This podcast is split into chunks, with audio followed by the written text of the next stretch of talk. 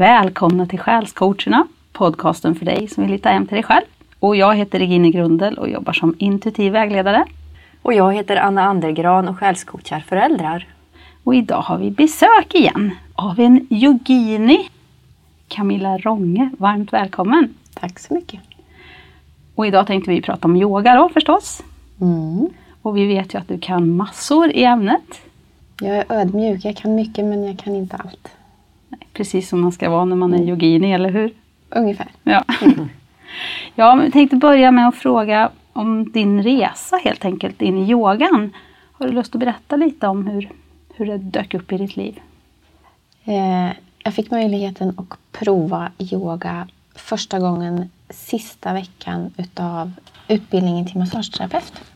Där en indisk yogi guidade mig och klassen två gånger om dagen. Ett yogapass på morgonen och ett på kvällen. Och jag vart förälskad direkt. Vad gjorde ni på passen då? Vad var det som fick dig att fastna? Eh, det var ju de, den fysiska delen av yogan. Yoga asanas. Yoga är ju inte bara det fysiska vi ser som Nej. människor gör med kroppen. Utan det är uppdelat i olika grenar kan man säga. Det där är ju också lite svårt för en, en vanlig människa som jag. För det finns många olika typer av yoga. Mm. Vilken form var det som du började med? Eh, hatta yoga var det jag fick prova på. Och det jag sen utbildade mig till. Hatta yogalärare. Och det är? Eh, enligt de som då säger sig veta så är det ursprunget i yogan. Okej. Okay. Mm. Men nu skiljer den sig rent praktiskt från andra former av yoga? Då? Så här ganska många år senare så är det väl kanske vissa delar i den yogiska filosofin som kan variera. Okay. Men det, det, finns ändå en röd tråd. Eh, sen själva den fysiska delen, asanas, som skiljer sig mellan de olika yogaformerna. Hur man utövar själva rörelserna och så? Ja, eller? lite grann. Men positionerna återkommer ju. Så att har man provat på någon form av yoga så känner man igen en del av det i en annan form. Okay. Så att man känner sig inte helt... Oj, vad är det här? Ja, just det. Mm. Men hur, hur fortsatte din resa sen när du hade blivit förälskad i yoga den där, under den där kursen? Jag fortsatte att praktisera på egen hand hemma. Mm. Gjorde det programmet som vi körde den här veckan. Ja. Och bara gjorde det. Och mådde jättegott. Och det här var 2001. Mm. Det var först 2008 som jag hittade mig själv och tänka tanken att ja, men yoga kanske vore något. Mm. Så uh, jag sökte och kom in på en yogalärarutbildning till hatta yogalärare, två år. Mm. Och uh, det var väl egentligen när jag började den som jag förstod egentligen vad det var som hände då nästan åtta år tidigare. Första gången du träffade yogan? Ja, ja, för det var ju inte yogan jag träffade. Jag träffade ju mig själv. Mm. Mm. Mm. Ja, spännande. Mm. Mycket spännande.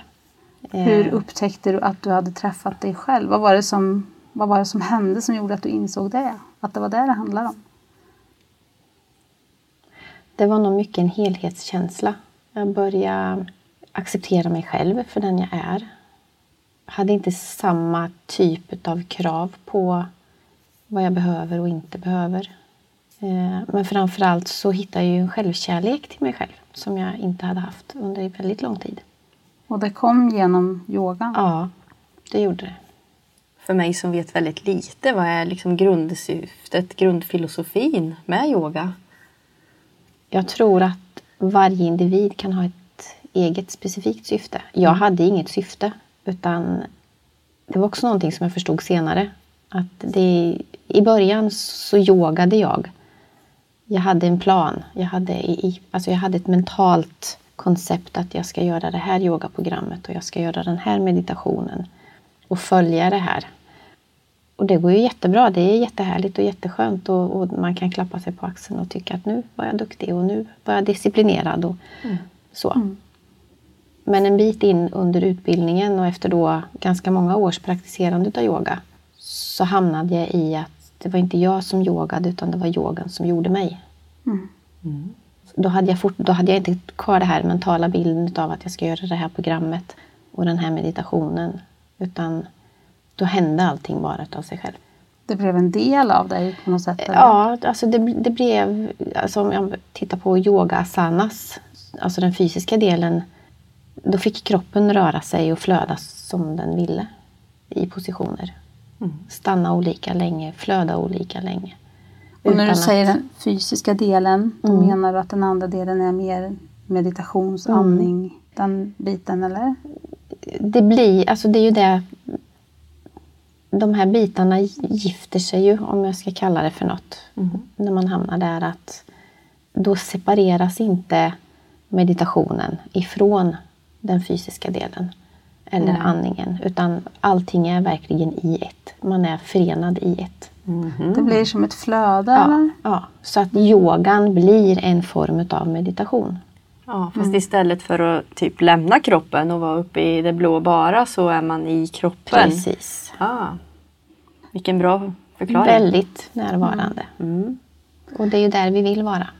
Ja, Mm. precis. Och det är det vår podd handlar om. Ja, det är ju att hitta hem till sig själv. Så att då är det ju spännande att höra hur, hur yogan kan hjälpa en med det. Mm. Mm. Hur upplever du att yogan har hjälpt dig med det?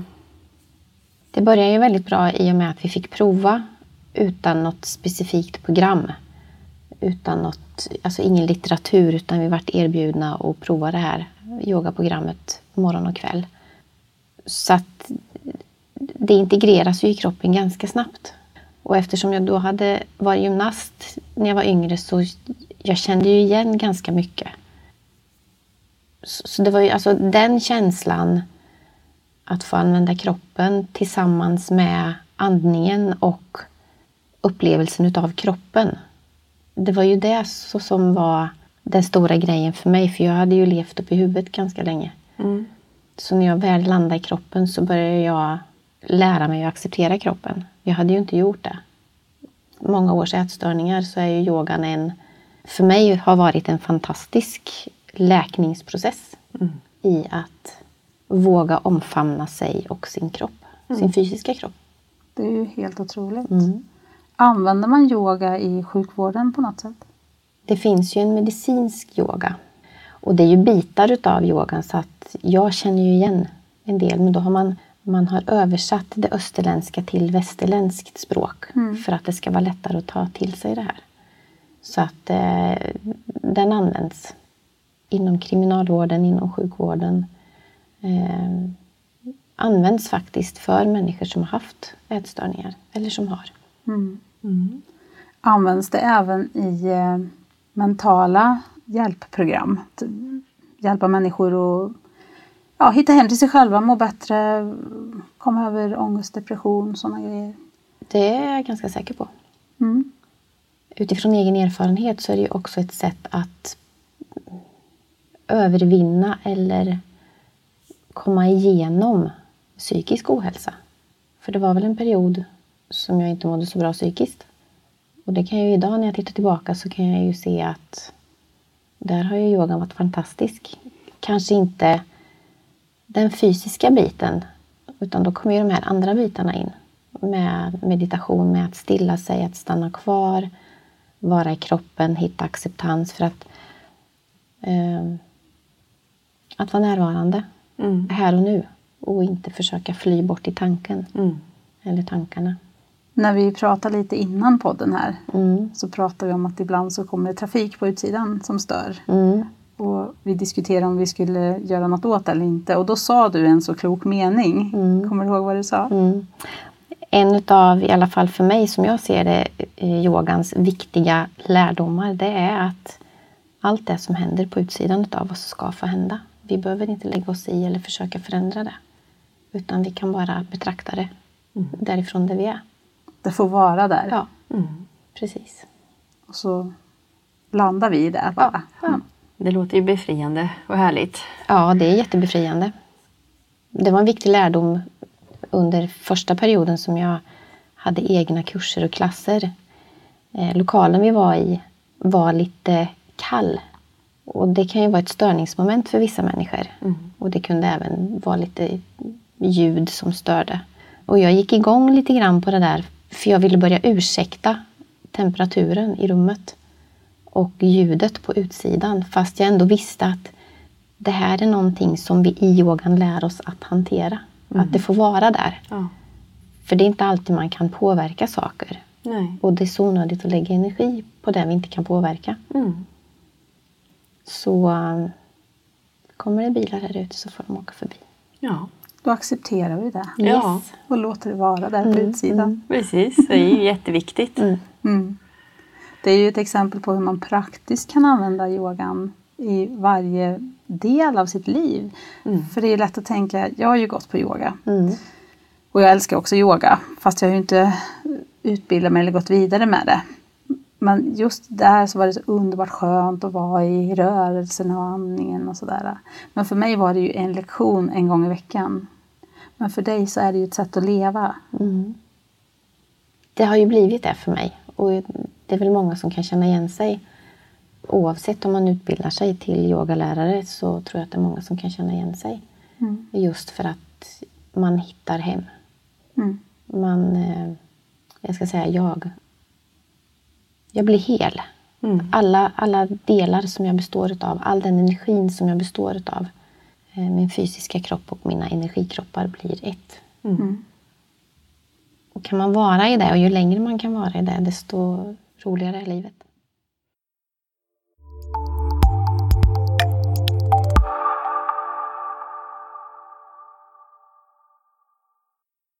Är det så att yogan kan hjälpa till att lösa upp blockeringar och liksom frigöra energiflöden Mm. på olika nivåer? Absolut. Både mentalt och känslomässigt och Mm. fysiskt också kanske? Absolut. Energimässigt? Tar man yogan till ursprunget ifrån Indien så finns det ju ett chakrasystem som eh, en del kanske känner igen. Och chakrasystemet associerar ju till en fysisk, mental, känslomässig del. Så när man då specifikt jobbar med de fysiska positionerna i yogan så kan man alltså pinpointa chakran och Ja. delar utav kroppen för att frigöra spänningar Mm. och energi. Så då finns det kanske vissa övningar då som är extra bra för om man, ja, om man är stressad till exempel. Absolut. Eller om man vill ha mer energi. Mm. Ja, Mm. spännande. Mm. Hur skulle du tipsa någon som, som inte har provat yoga förut, aldrig gjort det och sådär? Hur börjar man? Hur, hur, vad, vad är en lagom nivå liksom att sätta igång på? Bara leta upp en yogaklass och gå dit. Okej. Vilken som helst. Och känns det konstigt, prova en annan. Känns det konstigt, prova ytterligare en annan. Det finns ju lite olika yogaformer. Mm. Vilken av dem skulle du säga är den lättaste att börja med? Det kan jag faktiskt inte svara på för det är så individuellt. Det beror på vart man är, eh, vart man befinner sig och vad man egentligen, om man har ett syfte med att börja yoga eller som jag, jag fick det presenterat för mig. Jag hade inte letat upp det. Så att, och det kanske var därför som jag tog det till mig som jag gjorde. Det vet jag inte. Ska man slappna av och lita på vägledningen bara? Att det Ja. som dyker upp kanske Ja. är det rätta för Ja. en? Det är ju mycket så i livet att vi vill gärna leta efter en massa olika saker. Mm. Eh, ibland behöver vi bara stanna upp och låta det komma till oss. Ja, och så här i coronatider då, om man skulle vilja leta upp några övningar på nätet till exempel på Youtube eller så. Kan man göra fel eller är det bara att köra på och testa? Det är en jättebra fråga. Eh, Jag har fått den frågan ganska många gånger genom åren. Jag skulle rekommendera att man, har man aldrig utövat yoga, sök upp en yogalärare så att man fysiskt har någon att fråga och som kan visa. Ja, Yogan i sig kan aldrig bli fel. Fysiskt så kan man ju göra sig illa. Det kan man göra när som helst och vart som helst. Men att få guidning där man har möjligheten att någon annan visar och man kan ställa frågor. Det skulle jag rekommendera. mm. och kanske få bättre effekt av det också eller? Ja, och utifrån för att vi, alltså vi, vi är utrustade med samma fysik eller väldigt liknande fysik. Men vi kan ha belastningar i kroppen som gör att en position som man uppfattar på nätet, alltså på en bild, min kropp kanske inte kan utföra den Nej. för att mina armar är kortare Mm. eller mina ben är längre. Och då blir det också det här att, nej jag kan inte, det är ingenting för mig. Mm, precis. Så att, att, att ha en live-guidning skulle jag rekommendera Mm. från början. Problemet är ju också att många är så vana vid att det handlar om prestation. Mm. Så att man vill pressa sig och klara av lika mycket som läraren eller den bredvid, bredvid och sådär. Och då missar man ju syftet med yogan och lyssna på sin egen kropp och göra utifrån sina egna förutsättningar. Så att risken om man tittar på en Youtube-video är att man tänker att man ska kunna göra precis som den som visar videon. Ja. Och då kanske man pressar kroppen och skadar sig för det, tänker Ja. jag. För det var en uppenbarelse för mig när jag gjorde yoga just där att det handlar ju om bara mig. Mm. Ingen annan. Bara min kropp och min, min begränsning som jag förhoppningsvis kan lösa upp med hjälp av yogan genom avslappning men inte genom prestation. Och även den andra sidan av samma mynt, att man då kanske vill prestera och klara utav. Så kanske man tror att man inte kan det. Mm. Men det kan ju faktiskt vara så att man klarar utav. Men har man då en personlig guide vid sin sida så får man lite uppmuntran i att prova. Ja. För det är ofta vi inte litar på våran kropp. Och talar, alltså hjärnan talar om för oss att nej, nej, det där går inte. Men Mm. oftast så gör det ju faktiskt det. Jag har ofta hört människor säga så här Nej, jag är alldeles för stel för att göra yoga. Vad skulle du som yogalärare säga till dem? Nej, det är bara, det är bara trams. Det är bara nonsens. Är det Det är inte så det det handlar om. yoga handlar om att man blir ju mindre osmidig också? Eller Ja. hur? Det är ju så här att en av mina förebilder inom yogan har uttryckt det så bra att yoga handlar inte om att nå ner till tårna utan det handlar om vad som händer på vägen dit. Mm. Mm. Och det handlar om att skapa utrymme där det tidigare har varit trångt eller tajt i kroppen. Sen kan man ta det vidare till känslomässiga aspekter, mentala aspekter också. För att en, en blockering i kroppen Mm. kan hänga ihop med någon annan energinivå. Ja. Och när den släpper så släpper blockeringen i kroppen och man kan lättare komma ner i rörelsen. Precis. Yoga är ju fantastiskt. Jag det är tycker verkligen jättebra. det. Och det är också så här att det är inte bara det att det kanske frigör någonting rent fysiskt som också då kan återspeglas känslomässigt och mentalt. Eh, om man går igenom en känslomässig eller mental process där man kanske har känt sig svag. Exempelvis man har känt sig liten och svag och sådär. Så kan det återspeglas fysiskt i yogan. Så har man tagit sig igenom en känslomässig process där man har känt sig liten och svag men kommit igenom det här så kan man ha fått styrka rent fysiskt fast man kanske inte visste det innan. Utav att man har löst upp någonting känslomässigt. Så att jag brukar säga att yoga är som ett Kinderägg. Det är tre, överrask tre överraskningar igen. Ja. Det jobbar fysiskt, mentalt och känslomässigt parallellt med varandra. Så, alltså, en, process, en fysisk process drar alltid igång en känslomässig och mental process. En känslomässig process triggar en fysisk och mental. Så att de följer varandra hela tiden. Mm. Och det här med alla de åren utav yoga kan jag skriva en bok om det tror jag. Ja. För jag kan, alltså jag kan relatera till det och se tillbaka att ja, men det är verkligen så. Mm. Och det är ganska häftigt. Har du något exempel du vill dela med dig av när du har känt den här förändringen själv av en blockering som släpper och vad det kan liksom leda till? Ja, det kan jag göra. Jag hade under en längre period en önskan om att kunna stå på händer utan stöd, alltså fritt. Och tränade ju på det här men hade alltid en vägg eller sådär. Men det, alltså jag kom upp men jag föll ner så att jag orkade inte stå. Jag hade liksom inte styrkan och stadgan i axlar och armar och händer. Och så gick jag igenom en eh, separation och skilsmässoprocess. Och då vart väl den fysiska delen av yogan inte så väl praktiserad utan det var många andra processer som också i, som jag räknar som yogiska. Eh, när det här var igenom och jag tog upp den fysiska biten av yogan igen så tänkte jag inte så mycket på det här att jag ville kunna stå på händer. Utan eh, kroppen fick bestämma vad den ville göra och så stod jag på händer. Mm. Och då förstod jag att okej, jag har hittat tillbaka till styrkan. Jag har lagt det som tyngde mina axlar har jag lagt av mig ifrån relationen. Mm. Jag har fått tillbaka styrkan och stadgan i armarna. Mm. Jag kan förankra händerna i det. Alltså, Ja. så så att det, man, man kan spegla det på så många sätt. Mm. Det är jätte... Det är häftigt. Ja. Verkligen. Ett fantastiskt verktyg. Mm. Användbart. ja. Mm. Hur är det om man, om man nu skulle praktisera yoga med intentionen bara för att träna? Typ? Får man med sig allt det här andra automatiskt då ändå? Eller är det mer intentionen som styr? Eller hur funkar det? Det är ju det som är så finurligt att, att man får med det här andra i alla fall. Ja. Ja. Man kommer inte undan. Nej. Nej. Det hänger ihop. Ja, det gör ju det. Yoga betyder ju förening. Så att eh, man förenar kropp och ande, skulle man kunna säga. Kropp och själ, hur man nu vill uttrycka det. Och det, man kommer inte undan, så är det bara. Mm. Tycker du att alla borde yoga? Mm. Mm. Det tycker jag. Det. Ja. Det är hälsovinster, inte enbart för den egna individen utan hela omgivningen.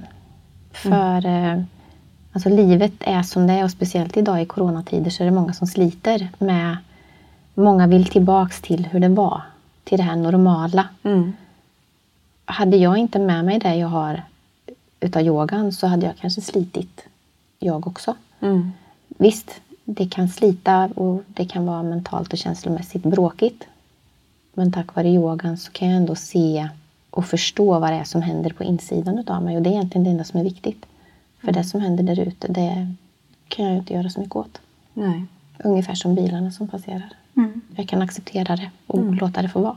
Mm. En bra metafor för bilarna. Mm.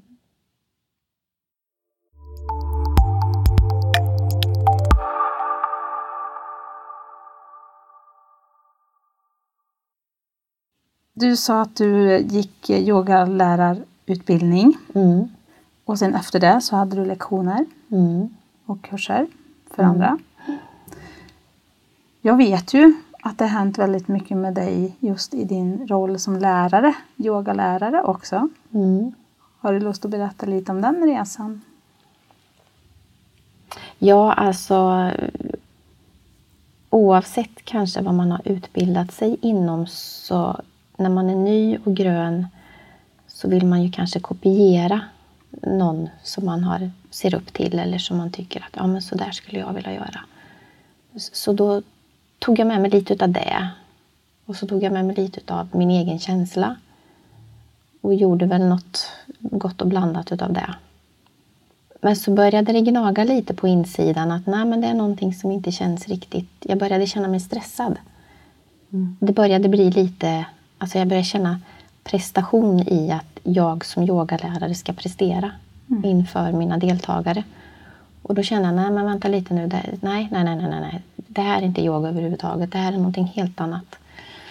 Så då växte det ett motstånd istället, så då pausade jag faktiskt. Jag slutade att hålla kurser och klasser under en period. Under den, nu kommer jag inte ihåg hur länge det var, men när jag började sen igen då, då hade jag landat i att nej, men nu gör jag bara. Och så fick lite grann som när jag gjorde resan själv, att till slut så var det yogan som gjorde mig.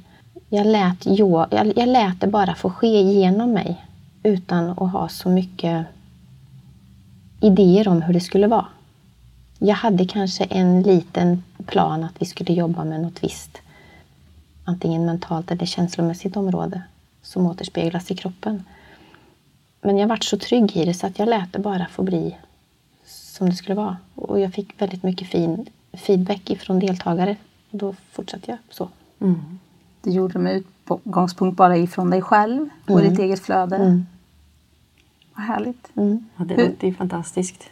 Hur upplevde du skillnaden? Det blir ju en, en typ av frigörelseprocess ifrån att, att ta med mig allt jag hade lärt mig, all erfarenhet i, i en, alltså, för, som var förpackat i att så här ska det vara till att så här gör jag, så här får det ske. Kanske lite okonventionellt och lite annorlunda men det funkade. Jag började, alltså, dels så litade jag mer på kroppen och den guidningen men också på intuitionen. Mm. Eh, och deltagarna, alltså de som var där. Att varje, varje tillfälle fick bli en ny gång där förutsättningarna var som de var just då och inte ha en alldeles för tajt föreställning om att idag ska vi göra det här. Mm. Sen kan jag givetvis lägga in det om man jobbar med intention att idag ska vi jobba med hjärtchakrat till exempel. Då anpassar jag ju utifrån det. Men med intuitionen får vara med så, så känns det som det blir situationsanpassat. Mm. Specialanpassat för precis de som är där. Mm. Det är ju fantastiskt att kunna ha en sån yogalärare att gå till. Mm. Då blir det ju flöde inte bara i rörelserna och andningen utan i hela situationen. När energin får flöda fritt, som den faktiskt får göra då, då mm, det skapas någonting som är svårt att egentligen sätta ord på. Det blir en upplevelse. Det blir väldigt upplevelsebaserat. Det är väl också någonting att våran, den yogaläraren jag hade, han sa det att ni behöver inte läsa era böcker. Vi fick två ganska tjocka böcker. Patanjali är en utav de här guruserna inom yogan som, som kan mycket och som har varit en, en eh, guide för många. Och jag tog till mig det där att nej, nej, då läser jag inte. Mm. Och jag förstår det och förstod det efter ett tag att man kan inte läsa sig till yoga. Man yogar sig till att förstå yogan. Och så kan man läsa efteråt för att då blir det, i alla fall som jag har läst, förståeligt. För då kan jag relatera till egentligen ma- många olika processer som har varit genom åren. Både fysiska, mentala och känslomässiga. Kan man kalla yoga för en form av healing? Mm, absolut. Mental Absolut. träning, Ja. fysisk Mm. träning och healing och flöde och Absolut. allt i ett. Liksom. Ja, fantastisk stresshanteringsmetod. Mm. För man, man landar i kroppen, man får kontakt med sin kropp. Och när du får kontakt med kroppen då, då ramlar man ner ifrån huvudet. Då tar inte det så mycket energi. Och när man är i kontakt med kroppen så får man också kontakt med sitt känsloliv. Och då kan man vara mer autentisk i sitt varande och i sin närvaro. Och jag, jag tror också att det är viktigt att ha med sig att när man börjar med yoga då måste man göra som vi har pratat om det här med trafiken också och låta det vara som det är lite grann i början. För att Mm. i början är det nya ovana rörelser. Man är i huvudet, man funderar mycket på hur rörelsen ska utövas. Alltså hur ska jag göra med alla kroppsdelar för att det ska bli rätt och position och sådär. Och det, det får vara så. Sen när man kan rörelsen och hittar andningen i den, då kommer flödet också, eller hur? Ja, absolut. Och det här är ju, natur, det är ju en naturlig process. Yogan har väl lärt mig att allting är processer. Livet är ju en enda livslång process egentligen. Som skift, alltså, den ena processen avlöser den andra. Och kan man någonstans hitta en liknelse i det så börjar man att förstå yogan. För det går att sätta ihop ett yogaprogram om man då vill ha ett specifikt program som en nybörjare kan göra bredvid någon som har hållit på med yoga i många, många år. Och båda får ut lika mycket av det utifrån där de befinner sig. Det är det som är så fiffigt med yogan. Mm. Alla kan göra tillsammans. Mm. Ja, det tyckte jag var så häftigt också när jag gick på yoga. Att det fanns variationer. Och om man inte klarar på det sättet som läraren visar först så fanns det ett alternativ. Och kanske ett, ännu ett alternativ. Och det var samma rörelse fast anpassat. Så att alla skulle kunna göra. Om du tänker på yogan som en process i ditt liv. Mm. Har den lett till mer effekter än att du har hittat hem till dig själv och att du känner dig mer tillfreds som människa? Har du, har du upptäckt mer saker om dig själv tack vare yogan? Ja, det har det ju gjort.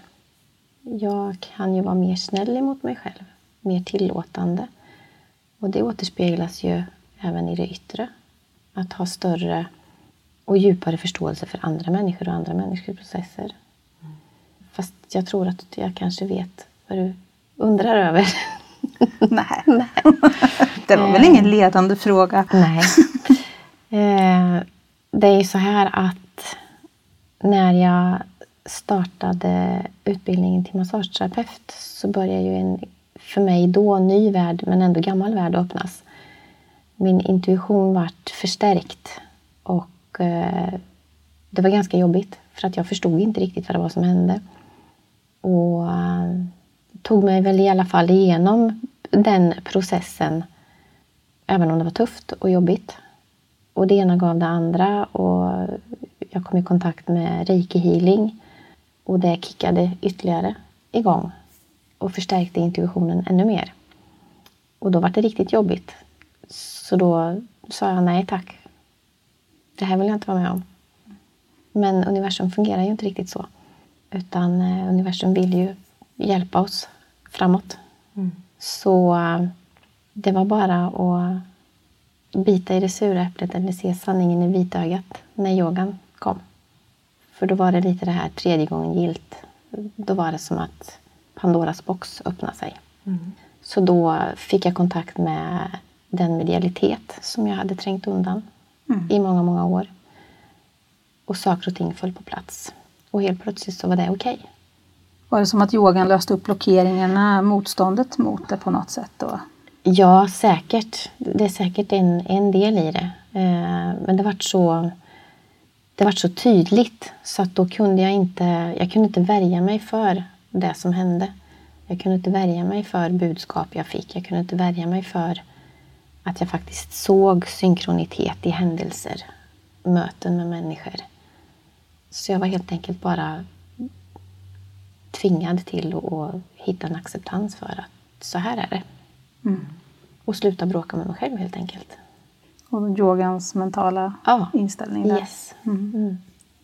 För det är ju inte bara oljudet på utsidan vi kanske måste acceptera utan även det på insidan, eller? Precis. och det är väl så här att det är väl eh, tystnad, alltså meditation kan man ju göra på många olika sätt. Man kan ha guidade meditationer, man kan ha meditation med mantran. Eh, och så kan man då ha, som yogan också praktiserar, tysta meditationer. Och det finns väl aldrig så mycket oväsen på insidan som när man ska vara tyst. Mm. Det är sant. Så, eh, och det är jättespännande. Mycket spännande. Så det rekommenderar jag. Man kan prova med att vara tyst i en timme med sig själv. Stänga av mobilen, allt yttre och bara vara tillsammans med det som händer på insidan. Ja. Och så kan man öka den här tiden lite i taget. Mm. Mm. Det är nog en utmaning för många. Ja, det tror jag. Mm. Jag skulle tycka att det var jobbigt. Men mm. får man börja med en halvtimme? ja, det får man. Det är, det är, yogan handlar inte om att bli belönad eller om prestation. Men många kan ju relatera till det här med ett belöningssystem. Så för den som vill prova att vara tyst med sig själv så kan jag lova att det är väldigt belönande. Mm. Allt eftersom. Jag älskar ju sån tid. Mm. Fast däremot så kan jag ju snurra iväg i tankar mycket. Mm. Och då kanske det handlar mer om att kunna betrakta dem än att fara iväg med mm. dem. För annars går den där timmen jättesnabbt. Mm. Det är ju väldigt lätt att följa med tankarna dit de drar iväg med en. Men här handlar det ju om att, att på något sätt kunna se tankarna mm. och vart de kommer ifrån. Och vad de gör med mig som, som person. Alltså tar de mig till ett känslotillstånd eller sinnestillstånd som jag ogillar och varför gör jag det? Så man kan ju, alltså man kan ju verkligen jobba med sig själv på djupa nivåer. Mm. Om man tycker att sånt är intressant. Bli lite betraktaren. Ja, ja, precis. Men jag har en fråga om just det där med avslappning och hitta stillhet på insidan. Mm. Många yogalektioner, eller jag tror alla kanske är upplagda så, jag vet inte, att man har det fysiska passet först och sen avslutar med en vila. Det är jätteolika. Avslappning. Ja, för jag tänker rent eh, kroppsligt och känslomässigt allt så här om man har rört sig mm. och kanske spänt, slappnat av, hittat flöde så där i det fysiska och mentala och känslomässiga på det viset och sen göra en avslappning efter, mm. är det lätt lättare att gå djupt i avslappning då? Det är ju lättare för då, då är det ju förhoppningsvis nere i kroppen och då upplever du kroppen vilket gör att tankarna kanske inte blir så intensiva. För att fokuset ligger i din upplevelse av kroppen. Så det kan vara en bra idé Mm, att börja med, Ja. med lite rörelse och, Absolut. sånt och sen ta en avslappningsstund. Sen så kan det variera väldigt. En- del börjar med, de börjar med avslappning och så att säga går ner i en avslappning och väcker upp kroppen för att få ännu starkare kontakt för att sen gå till avslappning igen. Okej. Mm.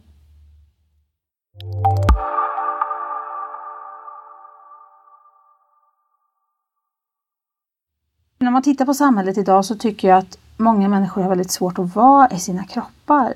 Man är inte nöjd med hur man ser ut. Man skäller på hur kroppen fungerar. Man vill vara evigt ung, kan inte acceptera att kroppen åldras. Alltså allt det här, jag uppfattar det som att vi har en flykt ifrån kroppen och det fysiska. Att vi inte vill acceptera det och tycka om det för det det är.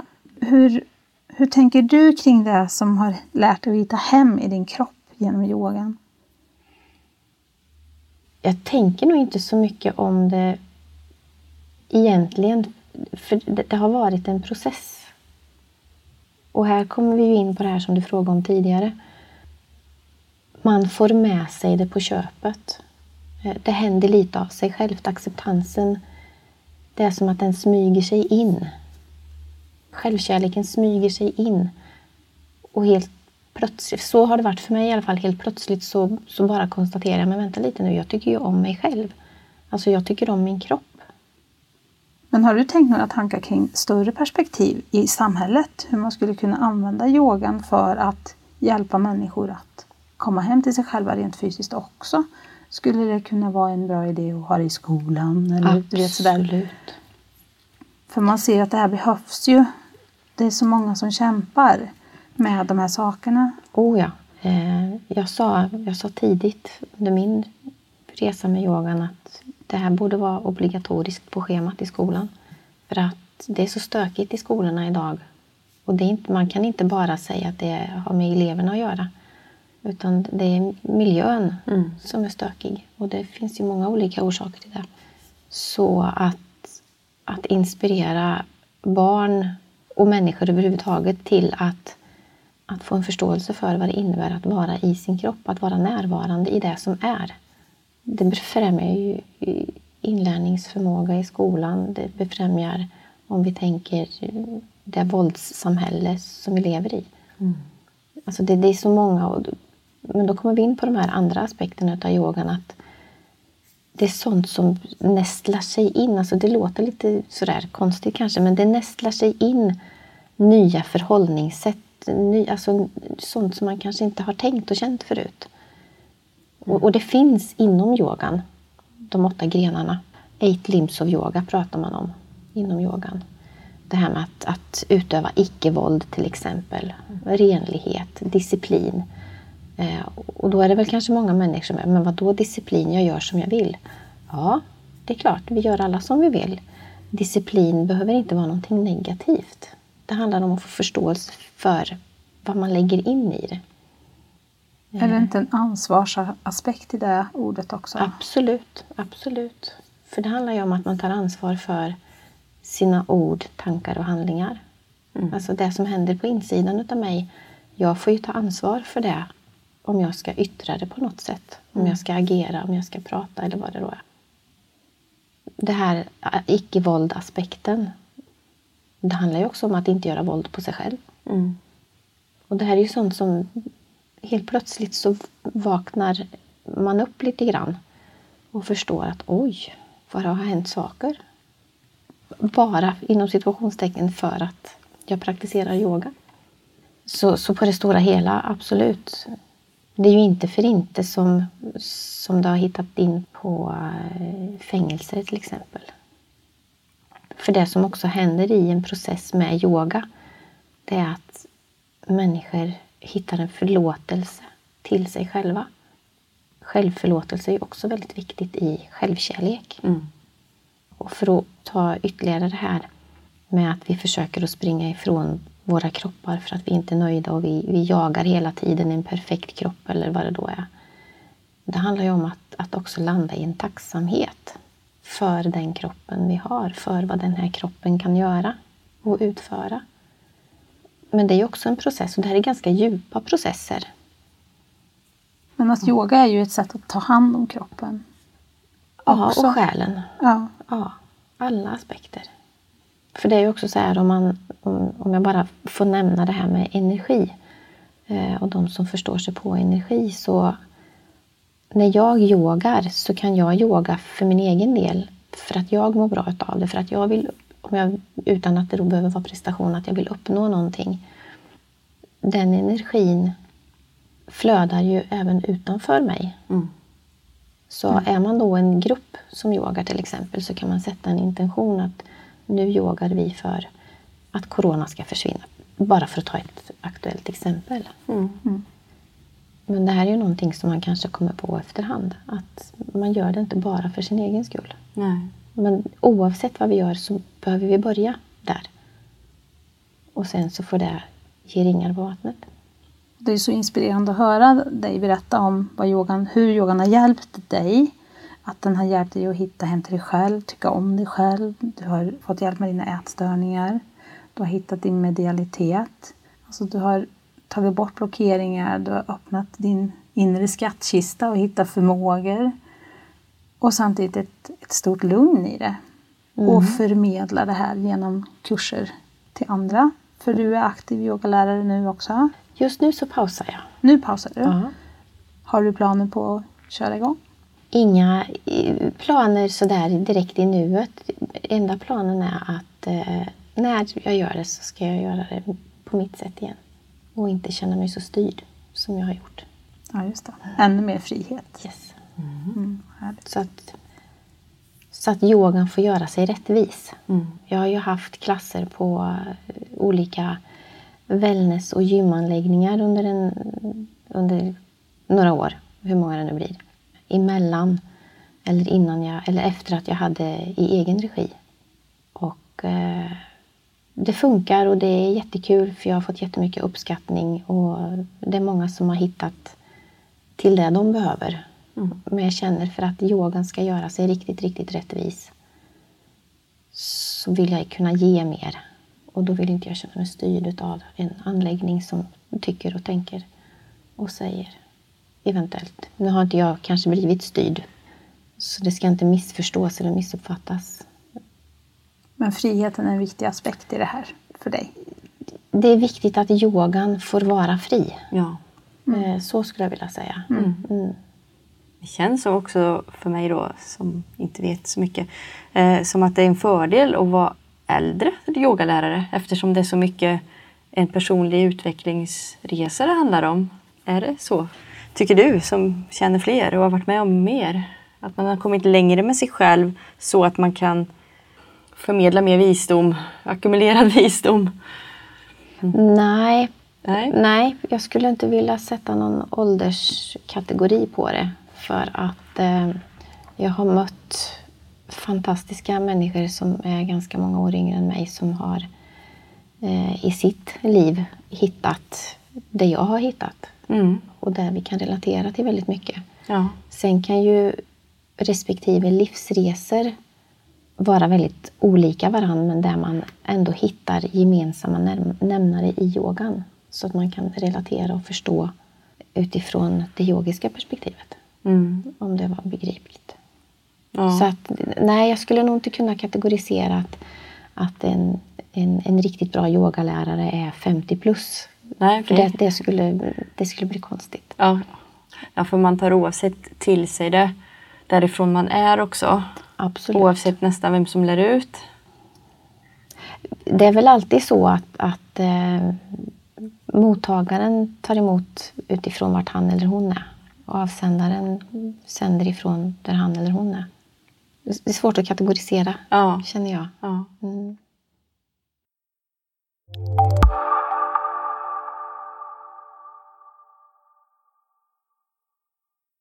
Jag vet ju att du gjorde en väldigt spännande resa med massa härliga yogamänniskor. Var det till Aruba? Mm. Ja, det är en spännande resa. Alltså jag, eh, yoga har ju väckt passion i mig. Alltså passion för livet, passion för så mycket. Så den här yogaretriten var ju en dröm som gick i uppfyllelse. Och det var väl inte helt enkelt när jag väl bestämde mig för att åka för att jag skulle åka på en... Jag hade bestämt att jag skulle åka på en annan retreat eh, ett halvår innan den här som vi pratar om. Men jag eh, sa nej till min preliminära plats för att jag hade tillåtit mig att lyssna lite för mycket på en annan klok människa. Men jag kände direkt att på en själsnivå nivå så kände jag att nej, nej, nej, nej, jag måste lyssna på mig. Jag, alltså, så. Och då bestämde jag att den här, det, är bara, det måste få bli så. Och eh, därifrån så, så gick det jättesmidigt och eh, jag, hade ett, jag hade ett visst motstånd när jag skulle åka dit för att jag hade fått en förkänning utav att jag kommer få möta någonting som jag har ett motstånd emot. Och så var det ju. Och det vart jättetydligt. Men det vart också en gåva i det för att då landade jag ännu djupare i vad yogan faktiskt är. Det finns inga eh, förbud, det finns inga tvång. Många tror ju fortfarande, även om jag tycker att det är konstigt, att yoga är något religiöst. Eller att det finns religion förknippat till yoga. Och så är det ju inte.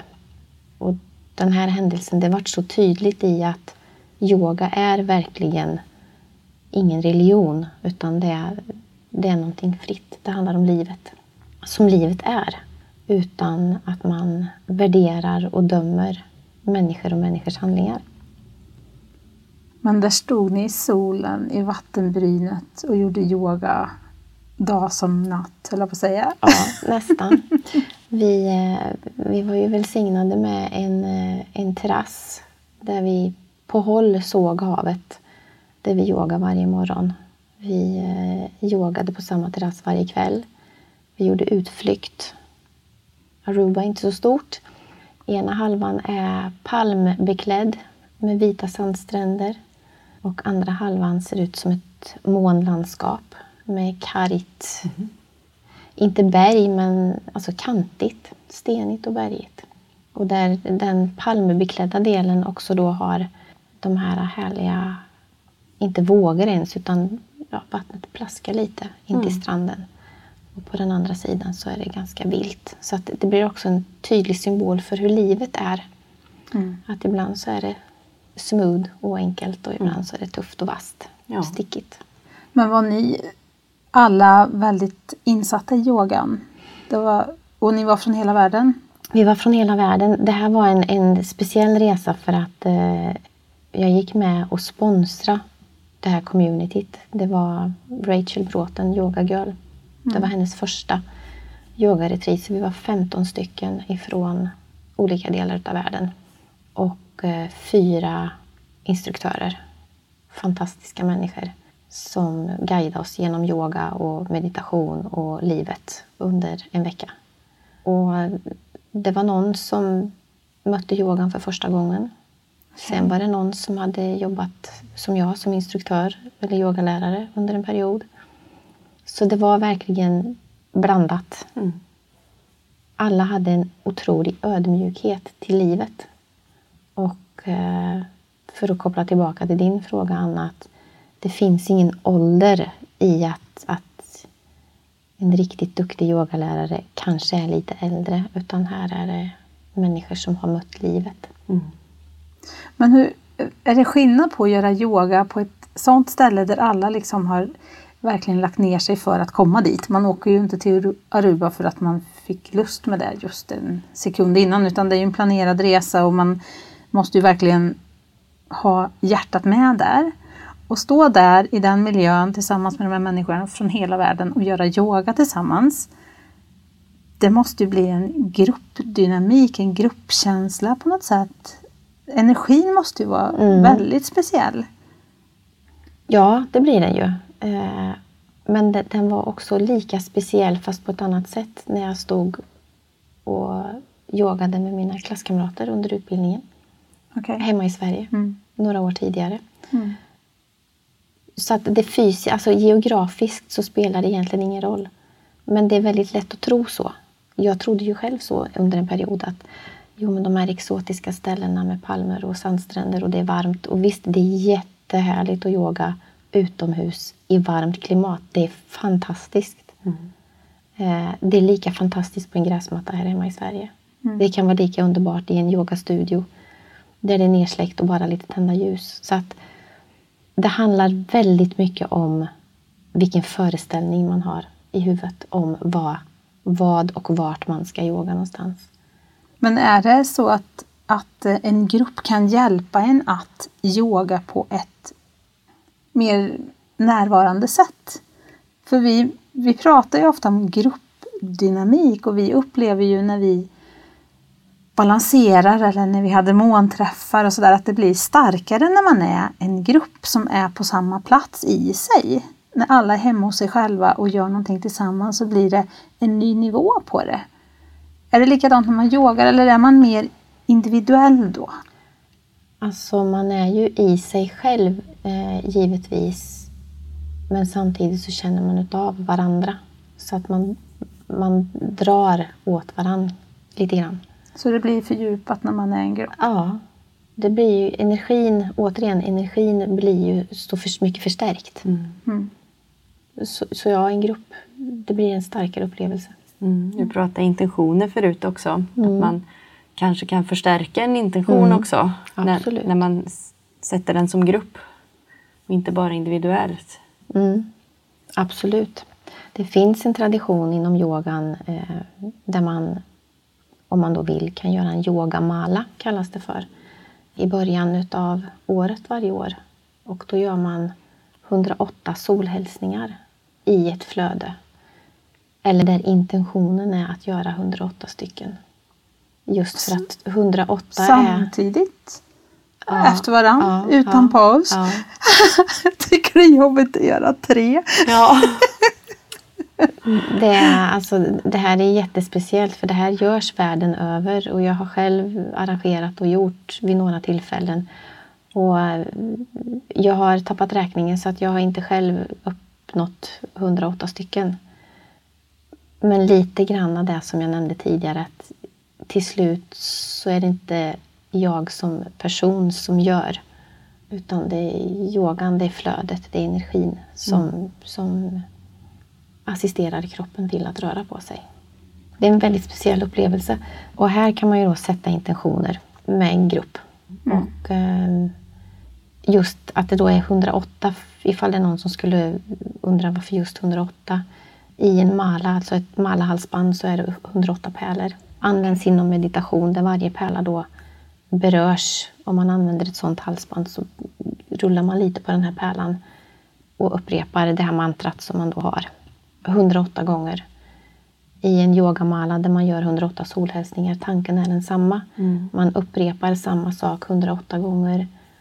Och det här har att göra, det, har, alltså det är kopplat till neurologiska funktioner. Att när man gör och upprepar någonting 108 gånger så, så täcker det upp nervbanor i hjärnan som förstärker intentionen man har. Okej. Du pratade ju förut om att man kan göra yoga för till exempel vissa kriser, saker som händer i samhället. Det var nytt för mig. Jo, det kan man göra. De här yogamalas, det, det har ju varit några tillfällen. Sen så finns det också någonting som idag ligger på global nivå. Det är Yoga of Hope. Och det är Barncancerfonden som har dragit igång. Så att då yogar man till, till förmån för Barncancerfonden. Så en sån grej kan man ju också göra. Sen så... Man kan ju egentligen göra, sätta vilken intention som helst. Personligen också. Ja, på sin absolut, egen absolut. kammare. Liksom. Eh, under en, en resa med yoga så utav alla de jag har träffat så hamnar man och även jag hamnade i ett motstånd till att ställa mig på yogamattan. Jag hade varit hängiven yogan och yogamattan mellan en och en halv till två timmar varje morgon i ganska många år. Och helt plötsligt så, nej. Nej, jag hade ett enormt motstånd Och det var nästan så att jag förbannade yogan Mm. och tyckte att nej, men det här är en naturlig del i processen. Och då kan en del få hjälp på traven att just sätta en intention. Om du känner ett motstånd att ställa dig på yogamattan, ja men sätt dig på den en stund. Bara sitt där. Mm. Ha intentionen när du går upp. Sätt dig, om så bara fem minuter. Spendera tiden på yogamattan. Eller gör det för någon annan. Gör det om du inte kan göra det för din egen del just den dagen. Gör det för någon annan. Tillägna ditt yogapass någon annan eller något annat. Vad fint. Mm. Det är fint. Nu när de har fått lyssna på din härliga berättelse Camilla och Mm. förhoppningsvis känner sig lika inspirerade att göra yoga som jag gör just nu. Har du några tips på Instagramkonton man kan följa, Facebook-sidor, Youtube-kanaler? Finns det någonting man kan hitta mer information, och komma vidare på egen hand? Förutom ditt tips då att man självklart ska uppsöka en lärare och ta lektioner till att börja med. Mm. Ja, alltså det finns ju jättemånga plattformar idag. Det finns väl två som jag kanske vurmar för lite mer just för att jag har personlig erfarenhet. Och den ena är en svensk plattform som heter Yogobi där jag själv var ambassadör i deras start. Där kan man prenumerera Mm. och så har man tillgång till yoga, meditationer, coachning, mat, alltså kost, allt mellan himmel och jord. Vart finns den plattformen? Den finns på nätet. yogobi.com. Och sen så Yoga Girl då, eller Rachel Bråten. Söker man på Yoga Girl så kommer man dit. Mm. Mm. För hon Och har Instagramkonto Ja, och, ja. och sådana grejer också. Och det är samma idé där att, att de har fyra rum som de kallar det för. Där det ena är yogapass, det andra är meditation, det är kost och så är det resor, retreats. Mm. Så finns det jättemycket på Youtube, massor. Mm. Man kan snöa in, man kan bli knasig i huvudet utav det också. Och man, man, jag gick vilse. Under min process har jag gått vilse några gånger och hittat rätt. Jag har kört i diket och kommit upp på vägen. Men det är delar utav processen. Har du någon sån här ä, övning eller någon sån här vanlig övning eller något som du skulle kunna tipsa folk om och nosa lite på? Andas. Andningsövning. Mm. För oavsett, andningen är essentiell i yogan. Och oavsett, man kan aldrig hitta en ursäkt för att komma undan andningen. Man kan göra den medvetet. Då har man börjat. Mm. Och så kan man ta det därifrån. Vad bra, då vet du hur du ska börja. Ja. Vi börjar ju varje avsnitt av Själscoacherna med att andas också. ja. Så det känns ju som vi knyter ihop säcken på ett väldigt bra sätt. Bästa sättet att hämta hem sig själv enkelt. Finns det quick fix till att hämta hem sig själv så är det att andas. ja. Väldigt bra avslutning tycker jag. Mm. Tack så jättemycket Camilla för att Tack du kom hit och berättade. Tack så mycket. Vilket intressant. Väldigt. Och vi, vi återkommer igen om 14 dagar som vanligt. Jajamän. Och hör gärna av er till oss på våra plattformar. Facebook, Själscoacherna. Instagram kan ni också söka på Själscoacherna. Och skriv till oss. Berätta vad ni tycker och vad ni vill att vi ska prata om. Jajamän. Japp.